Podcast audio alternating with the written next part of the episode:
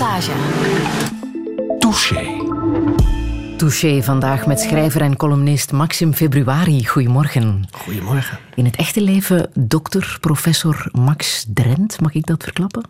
Nou, professor niet. Dat is een, uh, dat is een baan. En uh, zo erg is het bij mij nog niet dat ik een baan heb. Maar uh, doktermeester, ja. Ja.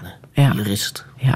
Max Drent? Ja. Dus je hebt een schrijversnaam aangenomen? Ooit, heel lang geleden. Ik ben vrij jong gedebuteerd ooit. En als je jong bent, denk je dat dat moet. En dat dat uh, uh, romantisch is en literair. Dus ik heb er toen de tijd heel veel uitgeprobeerd. En dat februari bleef hangen. En dan zit je er voor de rest van je leven aan vast. Ja. En waar heb je de inspiratie voor februari vandaan gehaald? Oh, dat is nog best een heel erg ingewikkeld verhaal over hoe ik precies wat ik allemaal heb uitgeprobeerd toen. Um, het is in ieder geval wel zo dat ik in februari geboren ben, maar dat was niet de enige reden. Ja. Maar ik, ik heet Drent van oorsprong en ik ben ook in Drenthe geboren, dus dat was op zich nog wel een grappige bijkomstigheid. Ja. ja. Eind vorig jaar um, heeft u dit boek uitgebracht, hè? Klont. Um, kreeg bijzonder veel sterren in de belangrijke kranten van uh, de interessante literatuurcritici. Het lijkt ook het nieuwe groene boekje dat we echt in huis moeten halen. Ja, het ziet er in ieder geval heel groen uit. Het heeft een heel, uh, heel duidelijk omslag. Je kunt er niet overheen kijken als je het nee. in de boekhandel ziet liggen. Dus um, ik hoop dat iedereen daarop afvliegt. Gebeurt dat ook? Want er was uh, het boeken, uh, de Boekenweek afgelopen week in Nederland en ook bij ons natuurlijk, waar nog uh, meer aandacht voor de boeken van het afgelopen jaar. Mm -hmm. merk je dat daar een extra verkoop is? De Boekenweek weet ik niet, want ik vraag het nooit op bij een uitgever. Mm -hmm. Dus die zal het dan mij moeten vertellen. Um, en sommige auteurs hebben een verkoop die echt in de eerste maand... dan koopt iedereen gewoon op hun naam het boek en dan ja. is het ook gebeurd.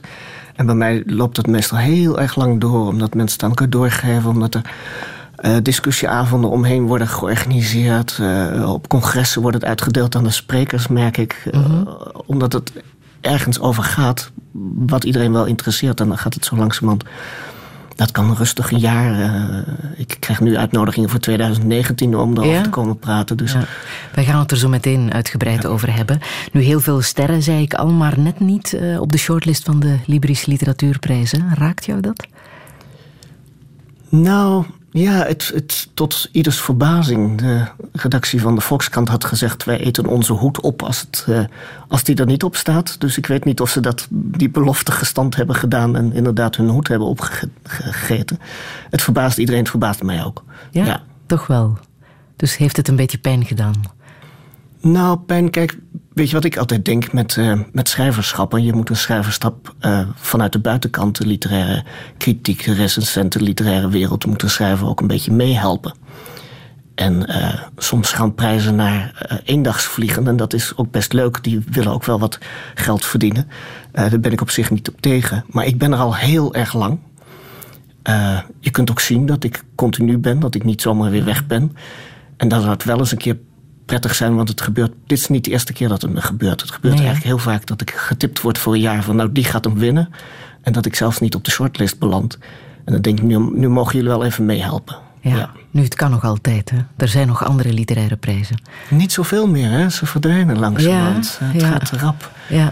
Dus uh, het, het, is meer dat. En het, dat is, ik ben niet de enige die dat overkomt. Er zijn er meer die echt uh, hard werken om een carrière overeind te houden. Mm -hmm. En die daar weinig steun bij krijgen. En mm -hmm. nou ja, dat heeft ook een soort partisanenfunctie. Uh, dus ik kan er ook wel weer heel stoer en trots over doen. Ja, maar is schrijven een fulltime bezigheid geworden? Want je bent ook filosoof, kunsthistoricus, jurist. Um, is schrijven uh, jouw absolute bezigheid geworden? Nou ja, schrijven wel, maar wel in heel veel verschillende genres. Ja. Dus in het juridische doe ik ook nog wel eens iets heel, heel ambtelijks. Um, en het zou mooi zijn om meer romans te kunnen schrijven, maar daar heb ik wel wat steun voor nodig. En dat ook niet iedereen boek voortdurend aan elkaar uitleent, maar het gewoon koopt. En, mm -hmm. uh, maar romans schrijven is denk ik wel iets wat ik nu wat, waar ik wat, nu wat meer aandacht aan wil gaan besteden. Ja. Ja. Hoe zou jij jezelf omschrijven? Nou, ik denk daar de laatste tijd heel veel over na. Want ik had nogal wat gesprekken de laatste weken met mensen over, over anderen die ze niet aardig vonden. En toen zei ik, ja, dat weten die mensen natuurlijk helemaal niet, dat niemand ze aardig vindt. En opeens raakte ik daar heel zenuwachtig over. Ik denk, ik vind mijzelf altijd, altijd een heel omgankelijk en, en prettig in de omgang en, en vriendelijk en aardig iemand. Maar misschien vindt iedereen anders dat wel niet. En, en is er een groot, eh, achter mijn rug groot complot over hoe vervelend Maxime Februari wel niet is. Dus um, je weet helemaal niet hoe anderen je beschrijven. Dat maakt het ook heel moeilijk om jezelf te beschrijven. Ik weet in ieder geval dat ik overkom als een heel erg streng iemand. En uh, poezen en kleine kinderen weten dat dat wel meevalt. een man met een verleden, zo heb je jezelf ook uh, genoemd, hè? Ja, ja. Is, iedereen, iedereen heeft een verleden. Ik ben inmiddels uh, op leeftijd, ik ben de 50 al ruim gepasseerd. En dan heeft iedereen een verleden. Maar dan mag je hopen tenminste, anders heb je je leven vergooid. Uh, en ik heb dat in de tijd ooit gezegd uh, in een boekje. Uh, en het boekje ging over mijn geslachtsverandering. Ik heb een behandeling ondergaan en mijn geslacht aangepast daarmee met die behandeling. Ik ben geboren in vrouwelijke gedaante en heb nu een overtuigend mannelijke gedaante. En dat maakt mij een man met een verleden. Hmm. Ja. En wij mogen vandaag jou beter leren kennen. Maxime Februari, blij dat je er bent. Radio 1. 1. Friedel Lassage. Touché.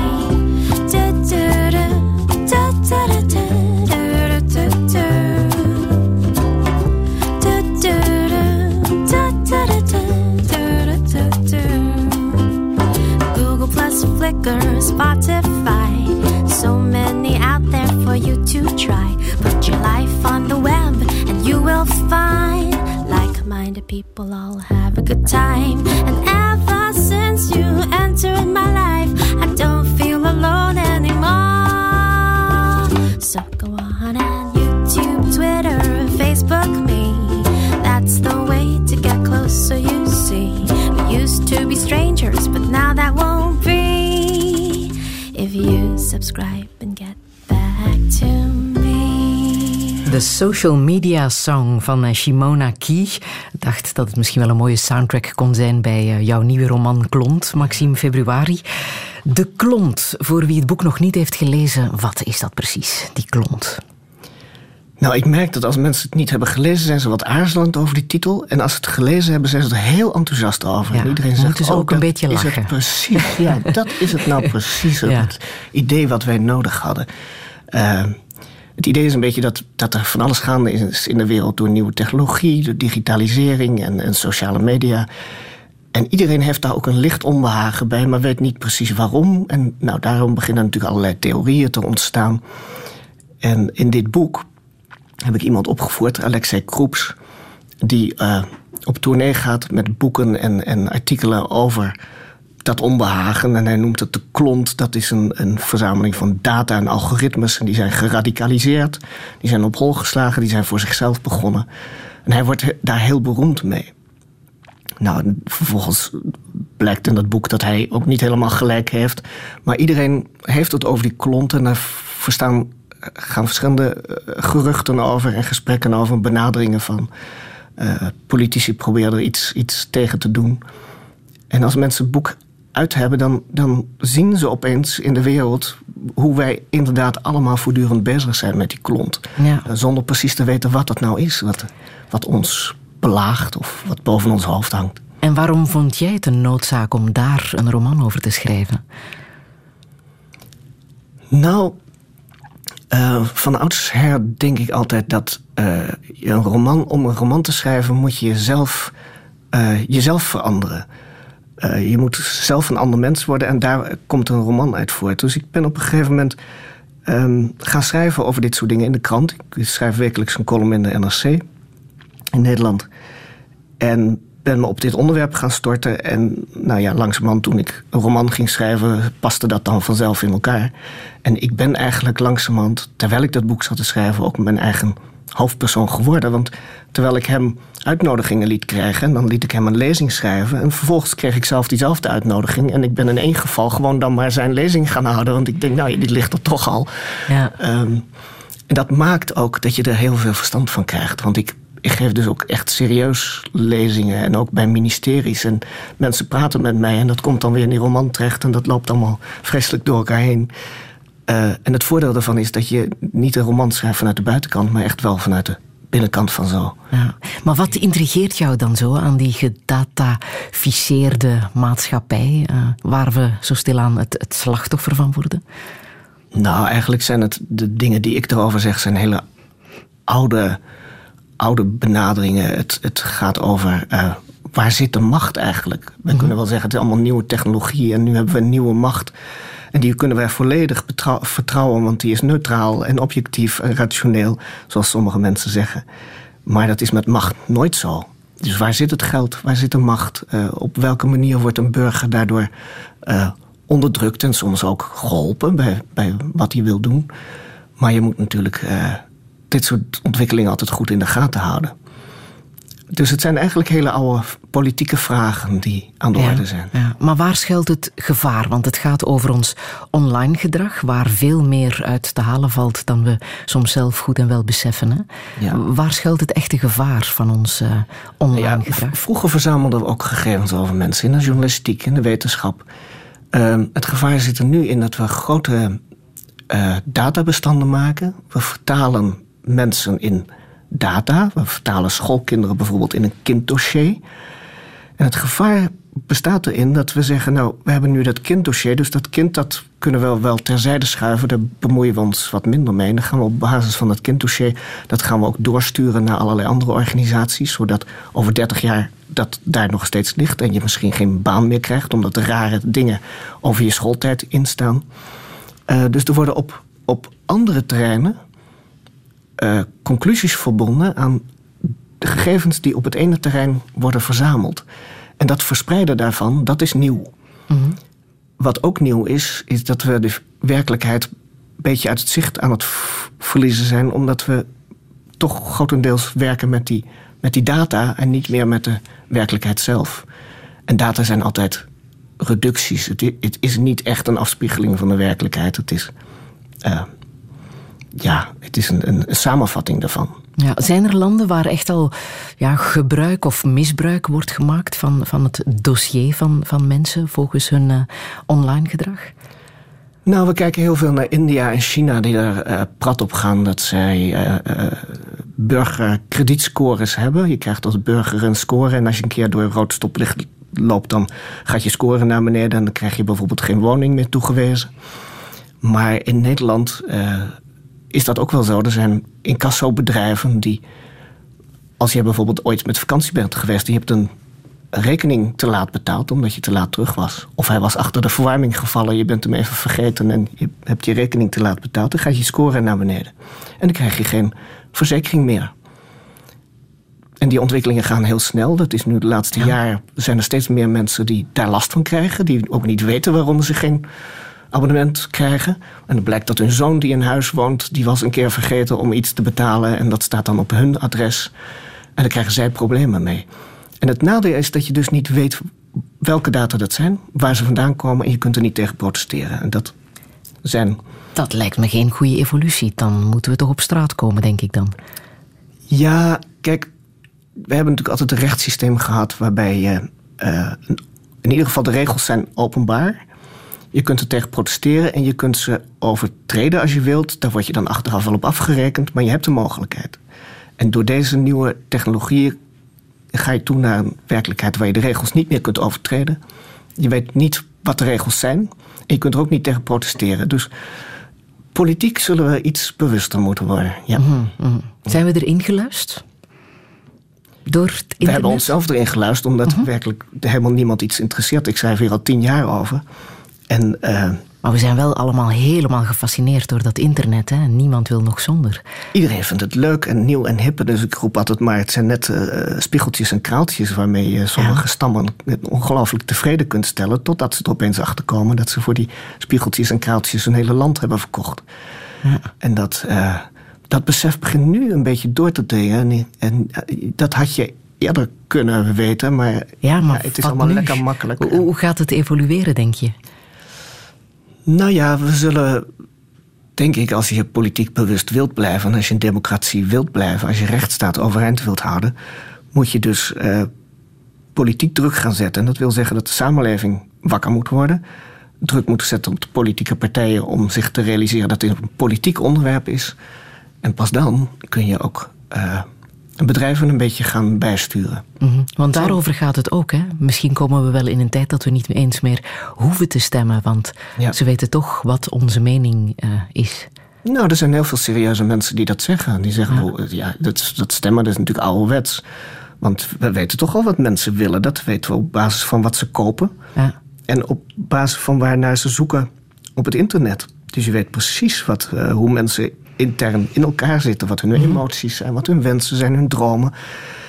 Um, dat is natuurlijk flauwekul. Er is een sociale wetenschap in de 20e eeuw zoveel ontwikkeld waar je zegt: ja, je kunt dat niet op basis van wat je kiest.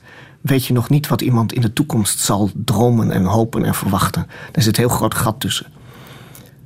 Maar goed, er zijn, zijn snelle jongens die zeggen, um, ook in de wetenschap trouwens, dat je dat wel kunt, dat je mensen volledig kunt doorzien. Mm -hmm. Dus dan hoeven ze ook niet meer te stemmen.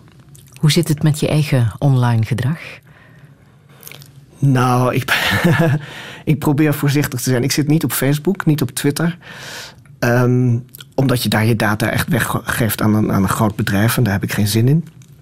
Maar je bent wel nieuwsgierig. Je kijkt wel graag naar andermans levens online. Ik ben hartstikke nieuwsgierig. En ik heb wel een Tor-browser, dus ik scherm het af. Maar ik ben ook weer niet zo handig dat ik helemaal precies weet uh, of het allemaal wel voldoende.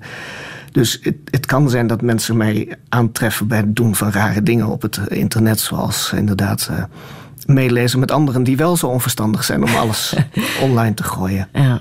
Hm. We hadden het over uh, dat ene hoofdpersonage, Alexei Krups, maar er is nog die andere ook, hè, Bodo Klein. Ja. Die um, in het begin van de roman een um, brief rondstuurt waarin hij zijn zelfmoord aankondigt, maar uiteindelijk afziet van dat plan. Ja. Wat een idee. Waar komt dat vandaan? Ja, dat werd me een beetje door de werkelijkheid ingegeven. Ik kreeg ooit een hele rare mail met een bijlage die ik niet open kreeg. En ik vermoedde dat er iets heel vreemds in stond. En toen zag ik mijzelf opeens zitten in die rare situatie die we tegenwoordig hebben. Je belt niet meer, je stuurt iemand iets, maar je krijgt niet altijd alles meer open. Dus uh, dat kwam gewoon uit de werkelijkheid. In dit geval is het een brief waarvan de ontvangers denken... het zal wel een zelfmoordbrief zijn, maar we krijgen hem niet open. Dus die voelen zich daar ook nogal ongemakkelijk door. We mm -hmm. willen het nu lezen, maar... Mm -hmm. uh, ja, is er nog echt software te vinden waarmee we dit open kunnen krijgen? Maar wat een idee. Dan stuur je zo'n mail rond. Ja. Maar je ziet toch af van het plan. Ja, dat is ook natuurlijk niet helemaal ongebruikelijk. Mensen denken wel eens dat ze klaar zijn met het leven en dan blijkt het toch niet zo te zijn. En het is erg onhandig als je dat dan al wereldkundig hebt gemaakt. En in dit geval gaat het in de roman heel sterk over vitaliteit. Um, wat is onze vitaliteit als, als samenleving, als wereldgemeenschap, maar ook privé. Uh, en deze dit personage is in een beetje een, een stil uh, moment in zijn huwelijk beland. Dus zijn vitaliteit zakt weg. Maar om hem heen bruist het wel van leven, want zijn stiefdochter krijgt een kind en zijn vrouw is erg opgetogen. En uh, het leven gaat vreselijk door, alleen hij voelt zich een beetje achtergelaten door het leven. Mm -hmm. Fascinerende roman, Klont. Ja.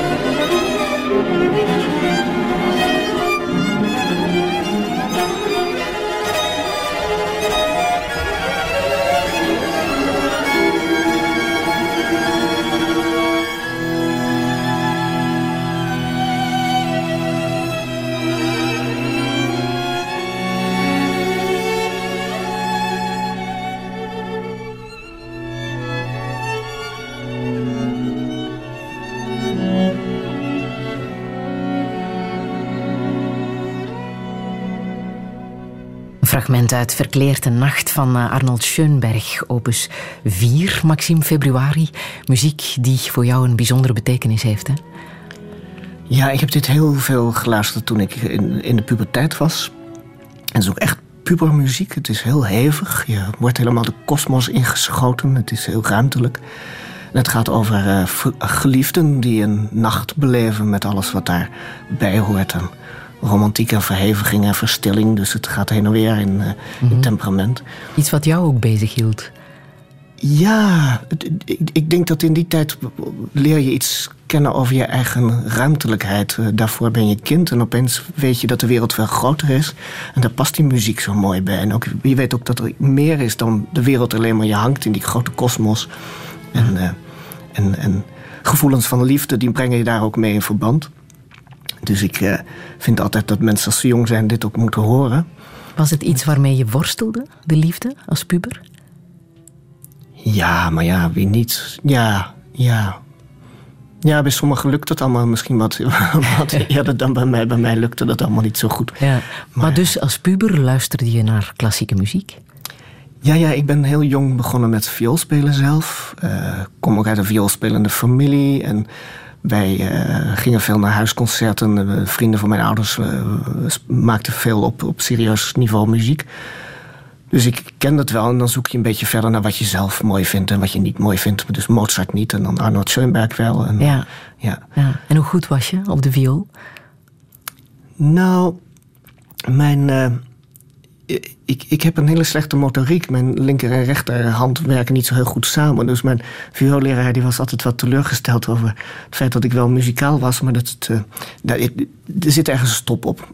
Ik heb vrij redelijk viool leren spelen, laat ik het zo zeggen. Mm. Speel je nu nog? Eh, en toen ben ik op mijn 26e gestopt, omdat ik eigenlijk bedacht dat ik de grootste solist aller tijden zou worden. En dat zat er niet in. en de laatste tijd denk ik van, nou, nu ben ik niet meer zo kinderachtig. Ik kan wel wat falen eh, aan. Dus ik denk dat ik weer ga beginnen. Ja.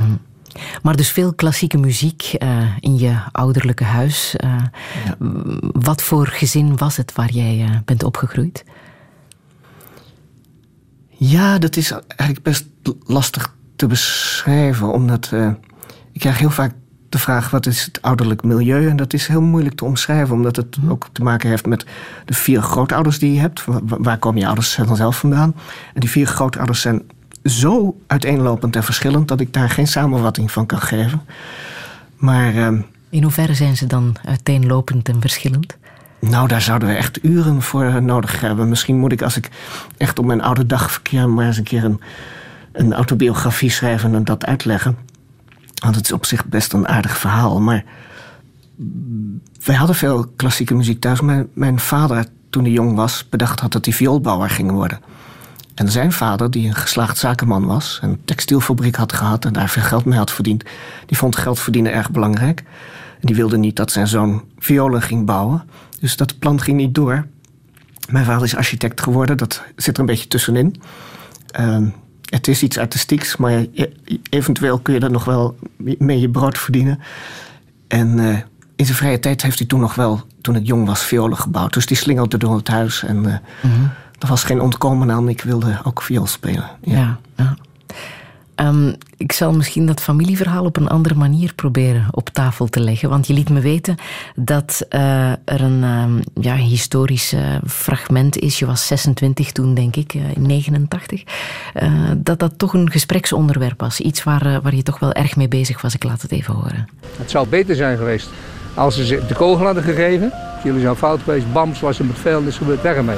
Op 27 januari 1989 worden de laatste twee Duitse oorlogsmisdadigers in Nederlands gevangenschap vrijgelaten.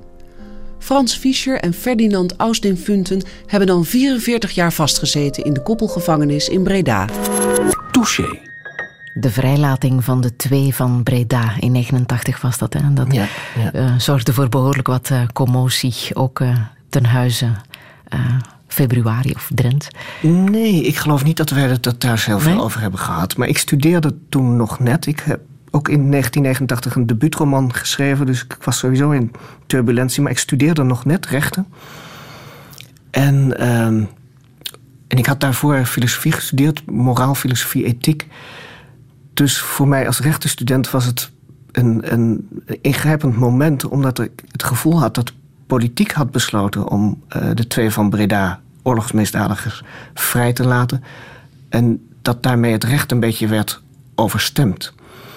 En het was privé voor mij misschien. eh, Het raakte ook wel aan mijn privéleven, omdat mijn grootvader van moederskant. ehm, eh, heeft met de Duitsers meegevochten in de oorlog. Heeft na de oorlog een aantal jaar in de gevangenis gezeten, omdat hij in vreemde krijgsdienst was gegaan. En zijn vrouw, mijn grootmoeder, moeder van mijn moeder, was daar erg op tegen. Dus die heeft er altijd eh, eh, zich compleet van afzijdig gehouden en op afstand gebleven. Dus die heeft een hele moeilijke oorlogstijd gehad. In er eentje met vier kinderen en zonder man. Eh, en dat is ook het ingewikkelde daar in die situatie. Want mijn grootvader was fout in de oorlog, maar mijn grootmoeder juist heel erg niet. Ehm, en dat was in de familie wel een heel erg groot thema. Dus ik ben echt heel erg opgevoed met die Tweede Wereldoorlog. En ook met de verschillende posities die je daarin kunt innemen. Want van mijn vaders kant waren mijn grootouders heel veel eh, in Israël. Ik kwam ook met hen in Israël. Dus dat hele veld lag wel op tafel. En alle verschillende posities die je daarin kunt innemen... zaten in feite in mijn familie verzameld. Ehm, ik heb ooit eh, een roman gelezen... Een mooie mevrouw Seidenman van Sipioski... die ook over de Tweede Wereldoorlog gaat... en waarin die heel subtiel al die verschillende posities beschrijft... met de ingewikkeldheden daarvan. Want mijn grootvader, hoewel erg foute keuzen hoewel hij erg foute keuzes heeft gemaakt, was natuurlijk niet door en door een slecht mens. En had ook achteraf zo zijn eigen oordelen daarover. Uh, dus die dingen zijn altijd erg ingewikkeld. En bij die twee van Breda had ik, toen ik bijna jurist was en, en ook moraalfilosoof, het gevoel dat het te veel een politiek spel was om ze vrij te laten. Met het idee van, nou dan zijn we daar als samenleving vanaf. Weet je wat, we sturen ze naar huis en dan hoeven we er niet meer over na te denken. Achteraf ben ik het daar niet meer helemaal met mezelf over eens. En ik weet ook dat degenen die toen besloten hebben om ze naar huis te sturen, het achteraf ook niet meer helemaal met zichzelf eens waren. En in de loop van mijn leven ben ik heel vaak betrokken bij discussies over verzoening na oorlogen, uh, vergevingsoperaties. Uh, en het enige wat je daarvan leert is langzamerhand hoe verschrikkelijk ingewikkeld het is. Mm-hmm. Van wat behoeft een samenleving? Wat, wat wil de rechtvaardigheid? Wat willen individuele mensen?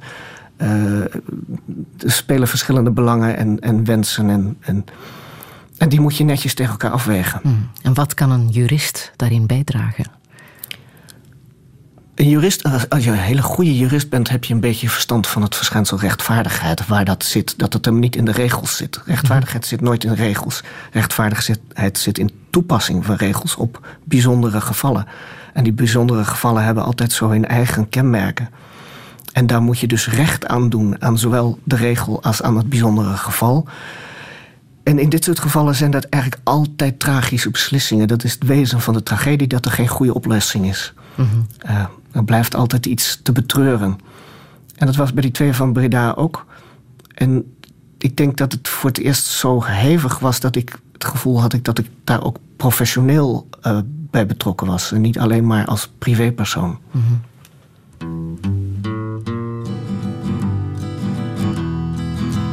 She was long gone, long, long gone.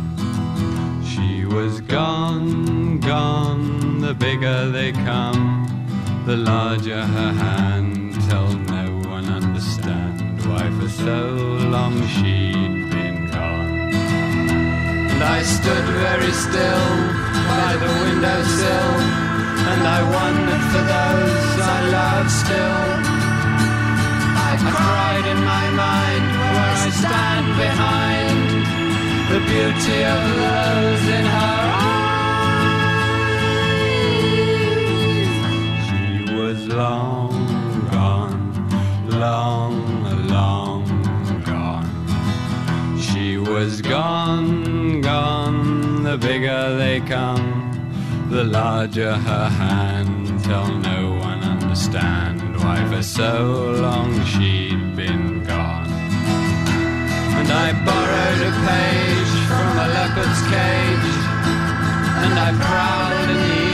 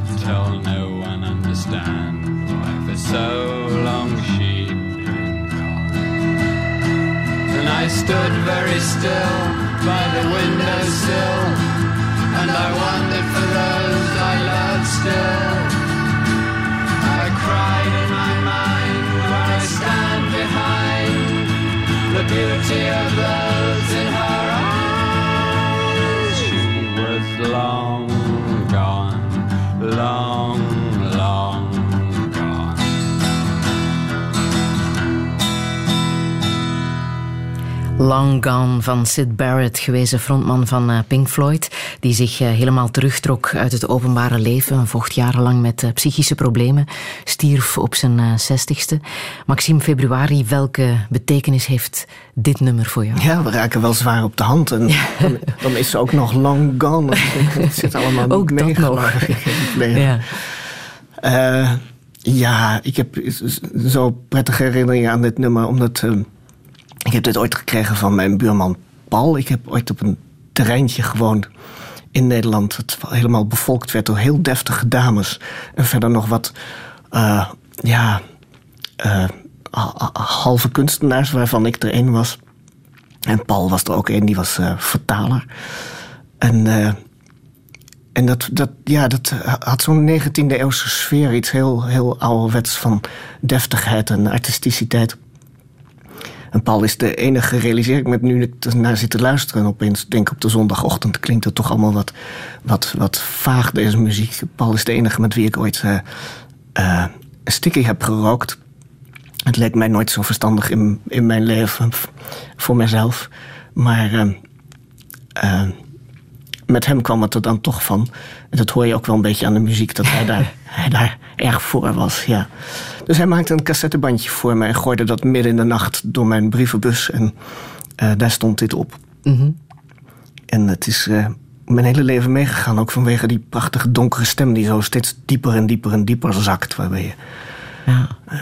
Maar toen je daar zat op dat terreintje, welke ambities had je toen in het leven? Nou, toen had ik al wel net een, eh, een roman eh, uitgegeven. Dus dat maakte mij ook wel acceptabel voor de deftigheid. Want eh, ehm, alles wat maar niet eh, bourgeois was, dat was daar eh, oké. En roman schrijven is natuurlijk dan een goede ticket. Ehm, ja, wat zijn dan de ambities? Ik vraag het maar ja. omdat je toch behoorlijk wat hebt gestudeerd. Hè? Kunstgeschiedenis, recht, filosofie, dat is heel veel hè, voor één hoofd. Ja, ja. Dat kwam ook wel een beetje omdat ik, toen ik afgestudeerd was, ik heb eerst eh, filosofie gestudeerd. Daarbij werd tegen ons gezegd, je moet nooit alleen maar filosofie studeren, je moet ook iets erbij doen. Dus eh, ik dacht als jong mens, ik moest dat op mijn zestiende al beslissen.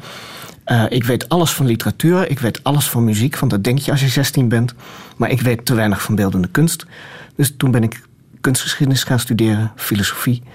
En toen ik afgestudeerd was, was ik heel jong. En toen zei iedereen, nou, een filosoof van 22, daar zitten wij niet op te wachten. Bovendien was het crisis. Net zoals een paar jaar geleden de jeugd opeens niet, uh, niet aan de bak kon komen. Dus toen ben ik rechten gaan studeren. En al snel had ik ook een baan in het organisatieadvies. Dus uh, mm. uh, zo kwam dat een beetje. En ach, als ik mijn leven overdoe, dan zou ik misschien denken: het zou leuk zijn om eens iets leuks te gaan doen in plaats van alleen maar te studeren. Ja, ja. Maar, ja. Lesgeven, zou je dat nog doen? Nee, nee. Waarom niet? Omdat ik daar, geloof ik, niet goed in ben. Althans, niet in de huidige verhouding. Ik heb het een paar jaar gedaan. En ik vertelde de, de studenten altijd hele leuke verhalen over. Uh, ik, ik uh, gaf les aan de rechtenstudenten, rechtsfilosofie. En ik vertelde verhalen over romans en over, over een keer een, een, een, gegeven over Marquise de Sade in verband met de, de ethiek van het kwaad. Het leek mij heel nuttig voor rechtenstudenten. Maar toen kwam er een delegatie op mijn studeerkamer van studenten die zeiden: Wilt u dit in het vervolg niet meer doen? Want wij willen liever uh, weten wat wij voor tentamen en de examens moeten weten. De anderen zetten dat gewoon op sheets met tien punten. En dan. Uh, en al die dingen over, over literatuur en zo, dat, dat wilden ze niet. Dus. Uh, en ik kan niet zo goed sheets met tien punten. dan ben ik al ja. snel weg zelf. Ja. Maar had je ook moeite met uh, de machtsverhoudingen binnen universiteiten? Nou, universiteiten zijn geen leuke plekken om te werken. Althans, nee? toen ik er wegging, dat was rond 2000, begin, begin van dit millennium. Uh, Want je noemt het nare jaren, hè? de jaren dat je hebt lesgegeven. Ja, in het begin was het eigenlijk leuk. Toen hadden wij een baas, een hoogleraar die uh, erg prettig was. Maar die verdween naar een uh, hogere roeping. En toen ging het uh, nogal mis. En dan zie je dat mensen het toch gebruiken om, om zichzelf naar boven te worstelen. En dat alleen maar kunnen doen als ze zelf niet zo getalenteerd zijn door jou naar beneden te trappen. En dat was eigenlijk wel zo naar dat ik jaren nodig heb gehad om daar weer overheen te komen. En ik hoor dat van anderen ook. Uh, mm-hmm. Vervelende dingen op de werkvloer kunnen je uh, lang bezighouden. Vooral als je in die branche zit van recht en ethiek. Dan verwacht je dat niet helemaal van je collega's. Mm-hmm. Um, dus toen die hashtag MeToo de laatste was... dat ging natuurlijk over machtsmisbruik op de werkvloer. Ook voor een groot deel. Toen dacht ik, ja, maar het is niet alleen maar seksuele in, intimidatie. Het is ook al die andere intimidatie... die niets met seks te maken heeft, maar met macht. En met proberen je, je te laten struikelen en de stoel weg te trekken als je wilt gaan zitten. Daar uh, moet ook eens ja, een hartig woordje over gesproken nou ja, worden. Het is wel iets wat, wat heel veel mensen kennen in hun beroepsleven. Waar heel veel met vrienden en intimie over geklaagd wordt. En wat mensen jaren van hun leven kost. En ook carrières breekt. Mm-hmm. Zoals bij uh, jou. Ja, zoals bij, bij mij. Ik ben weggegaan. Dat was ook omdat de krant mij een plek aanbood. En ik dacht misschien kan ik me dat permitteren om die overstap te maken naar zelfstandig gaan werken. Dat heb ik gedaan en dat heeft goed uitgepakt. Ik, ik werk nu al 17 jaar zelfstandig, geloof ik. Um, en mijn vriendin riep altijd: Wees toch blij, want uh, je bent nu veel vrijer, je bent eigen baas. Dat is ook zo. Maar ik houd ook wel van collegialiteit. Het zou mooi zijn om gezamenlijk onderzoek te doen. En daar zijn de universiteiten mm-hmm. toch voor een deel ook ja. voor. Wat zit daar dan echt fout volgens jou? er zijn te weinig, het is schaarste, er zijn te weinig banen voor te veel mensen. Dus, uh, en ik heb altijd het gevoel dat juist degenen die, die niet erg vertrouwen op hun eigen talent en, en, en, en superioriteit, dat ze bang worden en, en dan naar anderen gaan bijten. Uh, dus er zit veel minderwaardigheidsgevoel achter. Maar we hebben in, in Nederland uh, enorme turbulentie gehad na de moord op Van Gogh. En uh, het gekke is dat de dag dat dat gebeurde, is ook alweer lang geleden. Theo van Gogh, columnist. Toen keek ik uiteraard de hele dag televisie naar wat er allemaal te doen was. Maar ik schakelde af en toe naar andere zenders. En daar was net een programma over pesten op het werk. En dat waren zulke gruwelijke verhalen van mensen die zo gepest worden dat ze echt zelfmoord plegen. En daar waren documentairemakers naar familie, nabestaanden gegaan.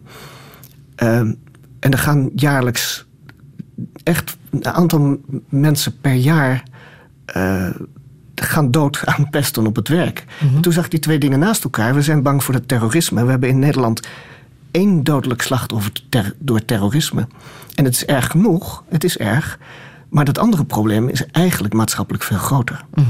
Ja, pesten op het werk is, is afschuwelijk. Hoe erg is het echt bij jou geweest? Nou, nou, laat ik een voorbeeld geven. Er was een, een, ik had een plan ingediend en dat werd eh, door iedereen in een vergadering enorm eh, bejubeld. En dat werd ook zelfs naar de pers naar buiten gebracht dat ik ging dat doen. En dat staat dan ook meteen in het openbaar. En vervolgens heeft één iemand met een gezaghebbende positie achter mijn rug eh, naar alle kanten brieven gestuurd om te zeggen dat ik dat vooral niet, dat het geld niet mijn kant uit moest komen. En dat is zo'n ongelooflijk verraad, want dan denk je, zeg het nou maar gewoon in mijn gezicht, dan vind ik dat best. Als je zegt van ik vind niet dat jij dat moet gaan doen, nou dan is het probleem opgelost. Maar eh, het aan de ene kant steunen en aan de andere kant die steun intrekken, dat zijn hele kwalijke dingen waarbij je je echt verraden voelt. En dat wil zeggen dat ik daar heel erg lang over heb moeten doen om, om dat weg te krijgen voor mezelf. Dat erboven te komen. Ja. Allez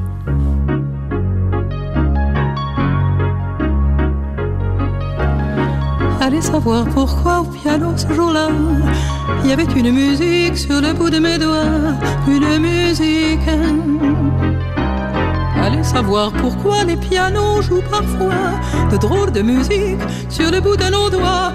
Allez savoir pourquoi dans le salon vieillard où j'aimais travailler, tout en regardant vivre mes objets familiers, je jouais pendant que sur mon mur dansait la Fuller sous l'œil énamouré et l'air patibulaire de Fraxon. Fraxon. Allez savoir pourquoi il existe des nuits où sous un ciel de soie des papillons de nuit du corps. Allez savoir pourquoi, mais c'était une nuit où seul à mon piano j'étais au paradis, au paradis.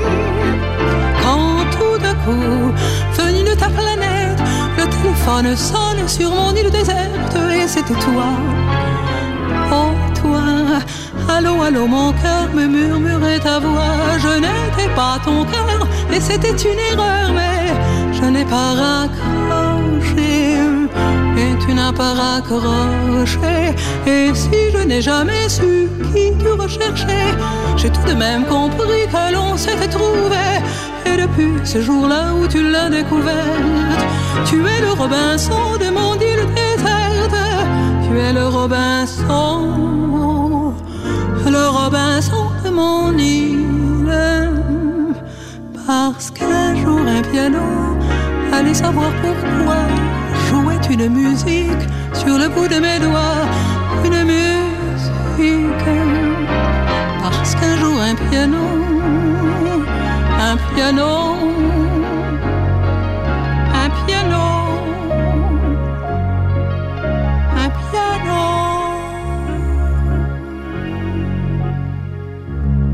Barbara. En als je ze ziet zingen op YouTube, ja, geweldig hè. Wat een, eh, wat een vrouw, wat een zangeres. Maxime Februari, waarom wou je dit laten horen? Ja, die stem alleen. Nou, ik, ik, ik, Barbara is mijn grote liefde. Dat is echt. eh, het is eh, zo, zo dichtbij. En dit nummer helemaal. Dit is het eerste wat ik ooit van haar hoorde op de televisie. En dus ook moet hebben gezien. Haar zelf zittende achter die grote piano. Ehm, en ik was meteen echt helemaal verkocht. Ja.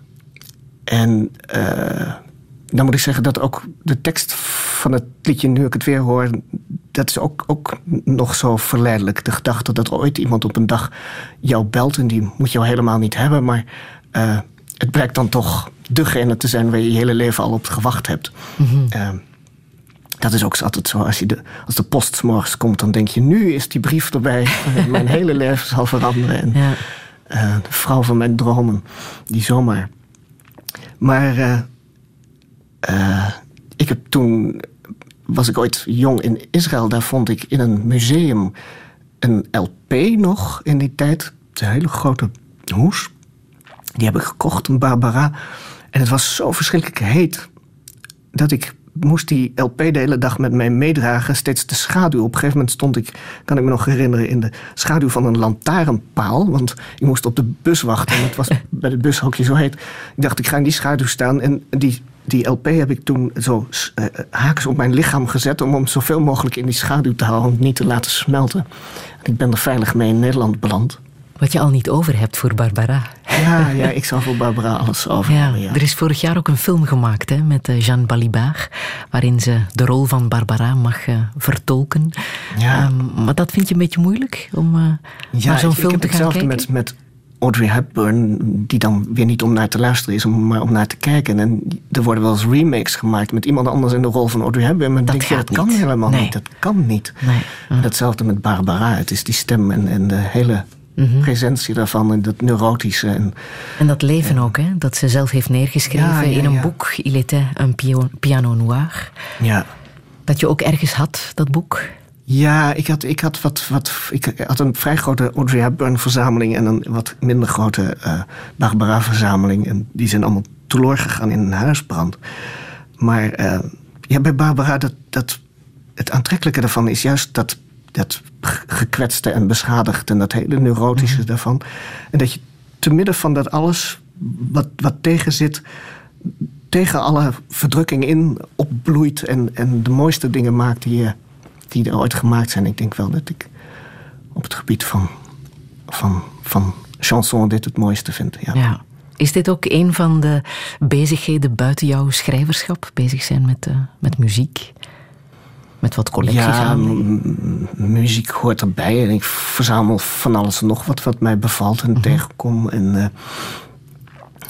eh, ja, iedereen eh, zoekt natuurlijk wel naar de muziek die, die dichtstbij komt. Die iets van je laat horen wat je zelf niet kunt uitzingen. Dat moet een ander dan maar voor je uitzingen. In ieder geval is, is Barbara is mijn vertegenwoordiging. Ja. Kunst, als kunsthistoricus, is dat iets wat, wat jou nog erg bezighoudt? Jawel, ik eh, ben met mijn vriendin, die inmiddels eh, twee jaar geleden is overleden, gingen wij ieder jaar in het voorjaar naar Duitsland en dan gingen we een aantal musea af. En zij had geen opleiding in kunstgeschiedenis, maar ze wist eigenlijk veel meer van beeldende kunst dan ik. En ze kon zelf ook best aardig schilderen. En ehm, ik merk, nu zij me er niet meesleept, dat ik dat een beetje bij laat liggen. Dus dat moet ik weer eens gaan oppakken. Ja. Picasso noem je als een van je favoriete kunstenaars en dan in het bijzonder Les Demoiselles d'Avignon. Weet je waarom precies? Ja, nou, de reden waarom ik mijzelf niet helemaal vertrouw met beeldende kunst is dat ik te gauw te literair erover word. Dus het verhaaltje erachter en, en de literaire beschrijving. En bij Picasso ben ik, doe ik dat eigenlijk niet. Ik, ik zoek niet naar iets literairs bij, bij Picasso en dat bevalt me er heel erg aan. Hoewel dit werk gaat over vijf prostituees, hè? Ja, dat weet ik ook wel weer. Maar er zit toch iets beeldends in wat, mij, wat ik heel goed begrijp. En Picasso sowieso in die veelvuldigheid. Dat alle kanten opwaaieren, alle genres beoefenen. Eh, het kan niet op, een soort overvloedigheid van talent. Wat heel prettig is. Waar je ook niet bang hoeft te zijn als kijker van straks is het op. Nee, er komt nog meer en nog meer. En eh, ehm, dat heel, heel aangenaam is. En die Demoiselle d'Avignon, die, die staan daar inderdaad zo, zo mooi op dat doek.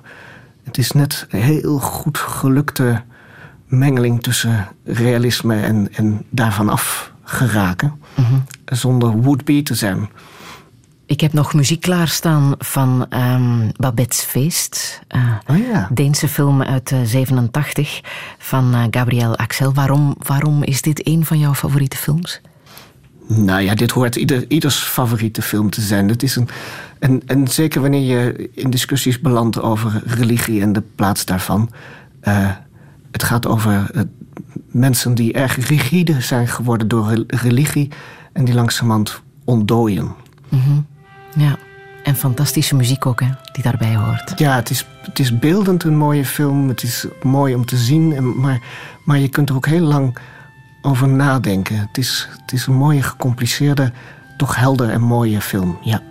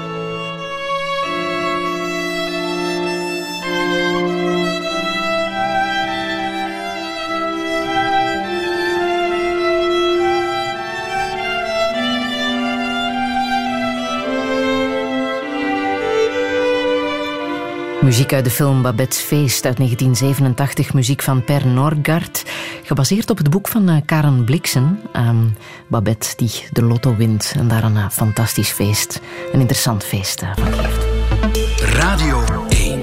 1. Friedel Lassage. Touché. Touché met schrijver, columnist, filosoof, jurist en kunsthistoricus Maxime Februari. Hij schreef zo net Klont, een heerlijk boek over de dataficering van onze maatschappij. In hoeverre zijn we nog autonoom als de buitenwereld ons gaat beoordelen op ons online gedrag? Zelf zit Maxime Februari graag online binnen te gluren in de levens van anderen, maar hoe zit het met zijn eigen leven nadat hij zijn huis en partner verloor? Hoe is het om man te zijn anno 2018? En hoe moet het verder? Dit is Touché met Maxime Februari. Een goedemiddag.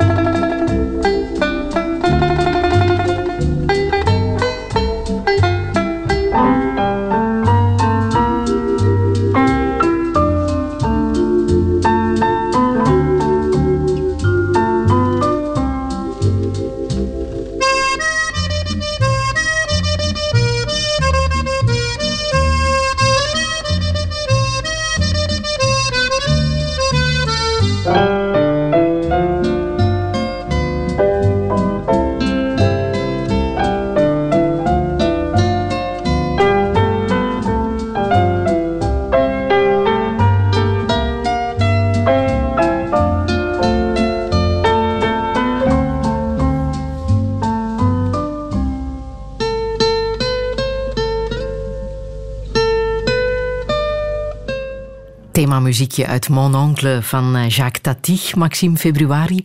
Ik wist dat ik jou daarmee wel kon raken, Jacques Tati. De Maxime Februari van zijn tijd? Uh, nou, het, het, gekke is, ik denk de laatste maanden opeens ook heel veel aan Tati, omdat ik heb een ander huis gekocht. Dat is een huis uit 1915. En het zit een beetje raar in elkaar, met twee vleugels aan elkaar vast. En ik stond er van een afstandje naar te kijken. Ik denk, waar doet me dat toch aan denken? Dacht ik opeens, oh, dat is het huis van uh, Monsieur Hulot en uh, mon oncle. Maar je, je ziet hem naar beneden naar binnen gaan en dan zie je hem de trappen opgaan en dan steeds voor een raampje verschijnen in het trappenhuis. En ik heb ook zo'n raampje in iets wat waarschijnlijk vroeger een trappenhuis is geweest en nu niet meer. Dus ik heb inderdaad het gevoel dat ik opeens mon oncle ben geworden. Misschien kun je mijn hoofd straks door dat raampje zien verschijnen. maar het is inderdaad, ik heb. Uh, uh, ik, ik, probeer mensen nu uh, Jacques Tati te laten zien, ook Jules de Vet. En iedereen denkt, ja, kom toch niet aan met die oude, oude films, helemaal diep in de 20e eeuw. Maar het is eigenlijk een heel modern commentaar en heel actueel. En ik heb zelf een boek geschreven wat weliswaar heel 21e eeuws is. En daardoor in stijl er helemaal niet op lijkt. Maar het is precies dezelfde poging om iets overeind te houden van je van je menselijkheid. Van, van het feit dat je leven voor jou is en dat je dat gewoon moet kunnen leven. Zonder door allerlei systemen en structuren eh, ingeperkt te worden. Ja, zoals hij commentaar gaf of op eh, de industrialisering, doe jij dat ook op, eh, op jouw manier, op de huidige maatschappij? Op de huidige maatschappij, ja. Je hebt daar, hij is als oom van een jongetje de vertegenwoordiging van ja, een soort rommeligheid van het bestaan. En de vader van het jongetje is de vertegenwoordiger van het complete 9 to 5 ingedeeld zijn in, in, in een fabriek. En fabrieksmatig en procesmatig te moeten werken. Het aardige ervan ook wel is dat hij eh, het niet alleen maar een pleidooi heeft voor die ouderwetse rommeligheid, maar ook wel laat zien wat daar de nadelen van zijn. Ja. Je ziet een man op straat staan bezemen en die heeft een baan om de straan- straat schoon te vegen en doet de hele dag niks anders dan met iedereen kletsen en er wordt werkelijk nooit iets gedaan. Zodat je dan als kijker denkt, nou, een klein beetje meer systematisering en industrialisatie is ook, kan ook geen kwaad. Maar het is toch eh, een, een, eh, een pleidooi voor, voor menselijkheid. En ik heb in de roman ook geprobeerd te laten zien wat een roman is. Namelijk het inzoomen op een privé, persoonlijk leven. Wat doen mensen met elkaar? Hoe rommelig is dat? Wat klungelen we toch eigenlijk allemaal maar een beetje aan? En we kunnen wel roepen dat we alles in de hand hebben, maar dat is eigenlijk helemaal niet zo. Ik zie nog een gelijkenis tussen Jacques Tati en Maxime Februari. Al lachend zegt de zot de waarheid. Ja, het is allebei, denk ik, tamelijk luchtig en, en, en, en niet al te volwassen. Ehm, ik zat laatst in een gesprek ergens en waar iemand mij voorhield dat als je luchtig bent, dat je misschien niet altijd serieus genomen wordt. En dat is er het nadeel van. In de film wel, maar in de literatuur? Nou, het is zelfs met columnistiek zo dat ik het gevoel heb dat je ehm, een grotere. ehm, dat, dat sommige mensen het liever lezen als je hele grote woorden gebruikt en heel volwassen doet. Er zijn mensen die mij gewoon overslaan omdat ze vinden dat ik te weinig jargon gebruik. Maar ik denk altijd, hoe helderder je bent en hoe toegankelijker en hoe lichter, ehm, hoe meer je ook kunt zien dat je gelijk hebt. Want als je het heel erg dicht gaat smeren met veel jargon, dan kan niemand meer precies zien wat er wel of niet waar aan is. Ja, en via humor gaat dat best. En via humor bereik je sommige mensen heel goed en via humor bereik je andere mensen helemaal niet. Nee.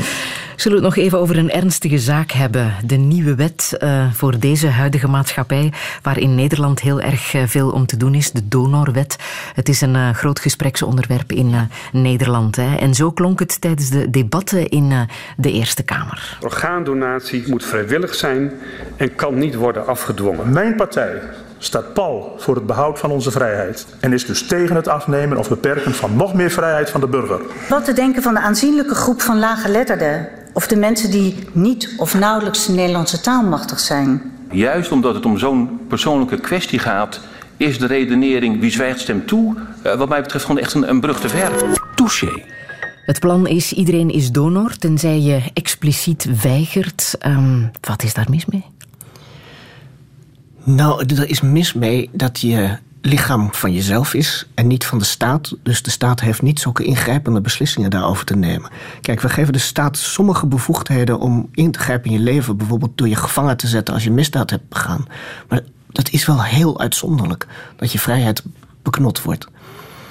Eh, ik had mezelf al geregistreerd als donor. Dus het is helemaal niet dat ik er tegen ben. Integendeel, ik ben er natuurlijk heel erg voor, of natuurlijk, maar ik ben er erg voor om ehm, anderen te helpen met die organen na je dood. Maar die beslissing is aan mij en die is niet aan de staat. Het is eigenlijk precies dezelfde reden waarom ik tegen de doodstraf ben. Eh, je bent van jezelf. En dus, wij zijn maar voor een heel klein deel burger van de samenleving. En daarbuiten zijn wij iets anders, namelijk bewoner van de kosmos. Dus de staat gaat niet over alle aspecten van ons leven. En eh, zeggen dat je organen onder gezag staan van de staat, vind ik echt een, een vele, vele stappen te ver. Ehm, Maar gaat het ook niet om snel mensen te kunnen helpen? Eh, want daarover gaat het wel, hè? als er Wel, organen het is, nodig het is zijn. echt een kwestie van proberen alles te controleren. En hier raken we ook wel weer een beetje aan die, die tegenstelling die in Mononcle van Tati ziet. Aan de ene kant hebben mensen gewoon hun leven. Aan de andere kant probeer je alles te reguleren en te controleren. Wat uiteindelijk ook helemaal niet lukt. En we leven zeker met alle nieuwe technologie, onder een illusie van controle. Als je nou maar de, van bovenaf alles aanstuurt, dan kunnen wij de wereld helemaal volmaakt maken. En dat is niet zo. Dat krijg je nooit voor elkaar.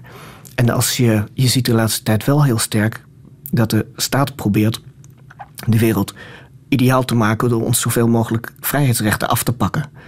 En ik denk altijd, dat lijkt mij heel contraproductief. Dat lijkt mij precies de verkeerde, verkeerde weg. Ehm, dus je kunt ook bijvoorbeeld, als je obesitas wilt tegengaan, mensen gewoon verbieden bepaalde dingen te eten. Maar hoe ver wil je daar uiteindelijk in gaan? Ja.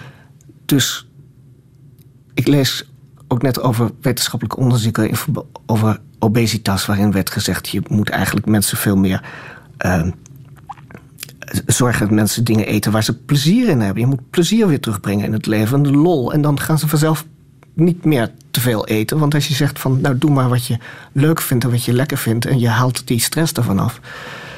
ehm, dan werkt dat veel beter dan alles van bovenaf druk opzetten en steeds meer stress verhogen. En we worden er alleen maar ongelukkiger van. En een van de ergste uitwassen daar vind ik, daarvan vind ik de donorwet. Mhm. Eh, Als we nog een stap verder gaan, zou jij je lichaam aan de wetenschap geven na je dood voor onderzoek? Ach, jawel, maar ik geloof dat er al lang een stop op, in Nederland op is. Want er zijn zoveel mensen die dat doen dat ze willen het niet meer hebben. Omdat heel veel mensen het ook om eh, economische redenen doen. Het is goedkoop, je hoeft geen begrafenis te betalen of wat dan ook. Ah ja. En er kwam zo'n aanbod, dat, dat las ik als laatste. Dus ik overweeg het ook niet. Ik zal niet zeggen dat dat misschien typisch Nederlands is. Ja, misschien is het wel zo. Ik weet niet het, Ja, ja. ja. Nu, de Israëlische politicus Yitzhak Ben Aharon die schonk zijn eh, lichaam aan, eh, aan de wetenschap. Hè. Ja. De man is net geen honderd geworden, dacht ik. En je hebt hem persoonlijk gekend, hè? Ja, ik heb hem gekend, ja. En, en Yitzhak was een heel erg eh, principieel overtuigd iemand. Dus daar past dat ook bij, bij zo'n leven. Om je hele leven in dienst te stellen van het socialisme en van de eh, arbeidersbeweging, de vakbond. En dat je dan ook, als je doodgaat, zegt: Nou, moet mijn lichaam ook naar de, naar de wetenschap. En waar en hoe heb je hem precies leren kennen? Nou, dat is een heel raar verhaal. Via mijn grootouders kwam ik in Israël. Die hadden daar heel veel contacten. En die hadden ook contact bij een eh, kibbutz. Dus mijn broer ging daar eerst heen en toen ging ik erheen. En ik werkte daar eerst in een, eh, in een fabriekje waar dingen gepolijst werden. Onder andere eh, kogels, geweerkogels. En ik werkte daar in een klein eh, kamertje met een aantal jonge jongens die inderdaad heel veel belangstelling voor mij hadden. En ik vond dat eh ergerlijk en lastig. En er was een jonge vrouw die werkte in een kamertje met hele oude mannen. En die vond dat saai. Dus toen hebben we geruild. Zij naar die jonge jongens en ik naar die oude mannen. En die oude mannen vertelden mij hun levensverhaal. En een daarvan was Yitzhak Ben Aaron. Minister, een van de oprichters van de staat Israël. Minister geweest onder Ben Gurion. eh, tegenstrever geweest van Golda Meir. eh, In de kwestie van geven wij de bezette gebieden terug. Als Yitzhak iets harder had eh, geschreeuwd in dat tijd... dan hadden ze de bezette gebieden teruggegeven. Want hij was daar erg groot voorstander van. Maar hij heeft dat verloren. En daar zitten ze nou nog steeds met de gebakken peren. Ehm, voorzitter van de, van de vakbond. Nou ja, goed.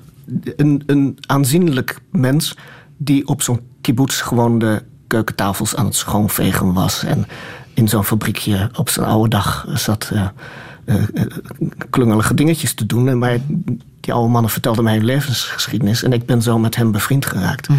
En hoe had jouw familie eh, contacten in Israël? Eh, ja, dat, dat weet ik eigenlijk niet. Mijn grootvader van vaderskant die had een, een uitwisselingsprogramma met het dorp in Groningen waar hij woonde, Haren. Met een, met een, een stadje in, in Israël, Gadera, uitwisseling Haren-Gadera. En mijn grootmoeder was erg religieus geïnteresseerd en ik weet niet precies hoe dat zat. Ehm, en eh, zij waren daar veel, heel veel. Zij, zij reden met een DS vanuit Nederland. En dan via Griekenland op de boot ging de auto mee. En dan reden ze naar Israël. En zij waren daar eh, niet altijd hoe ze vlogen ook. Maar eh, En daar heb jij ook een beetje je hart verloren. nou, mijn hart verloren nee hoor. Want ik ben daar, zeker nu, en we horen in het nieuws ook weer... dat er, dat er beslissingen in Israël vallen... waar je het niet zo heel erg mee eens kunt zijn.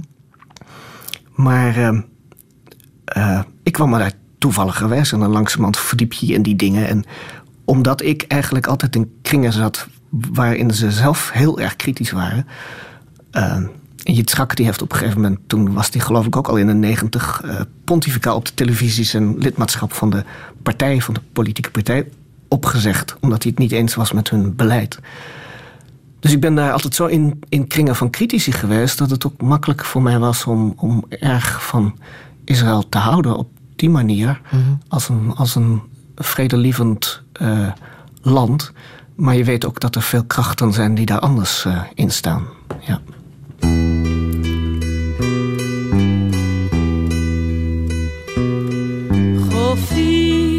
הם לפעמים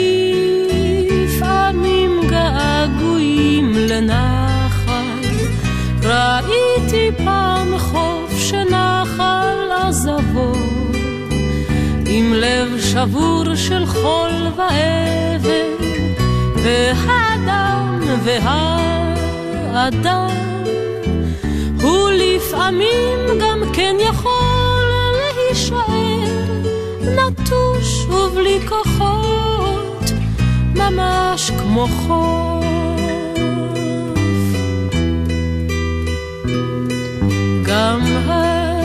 הצדפים כמו חופים, כמו הרוח, גם הצדפים הם לפעמים געגועים.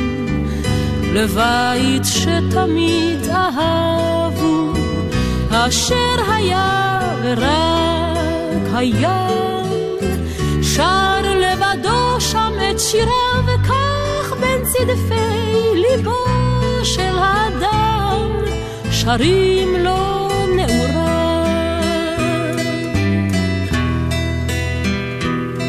חופים הם לפעמים געגועים לנחל, ראי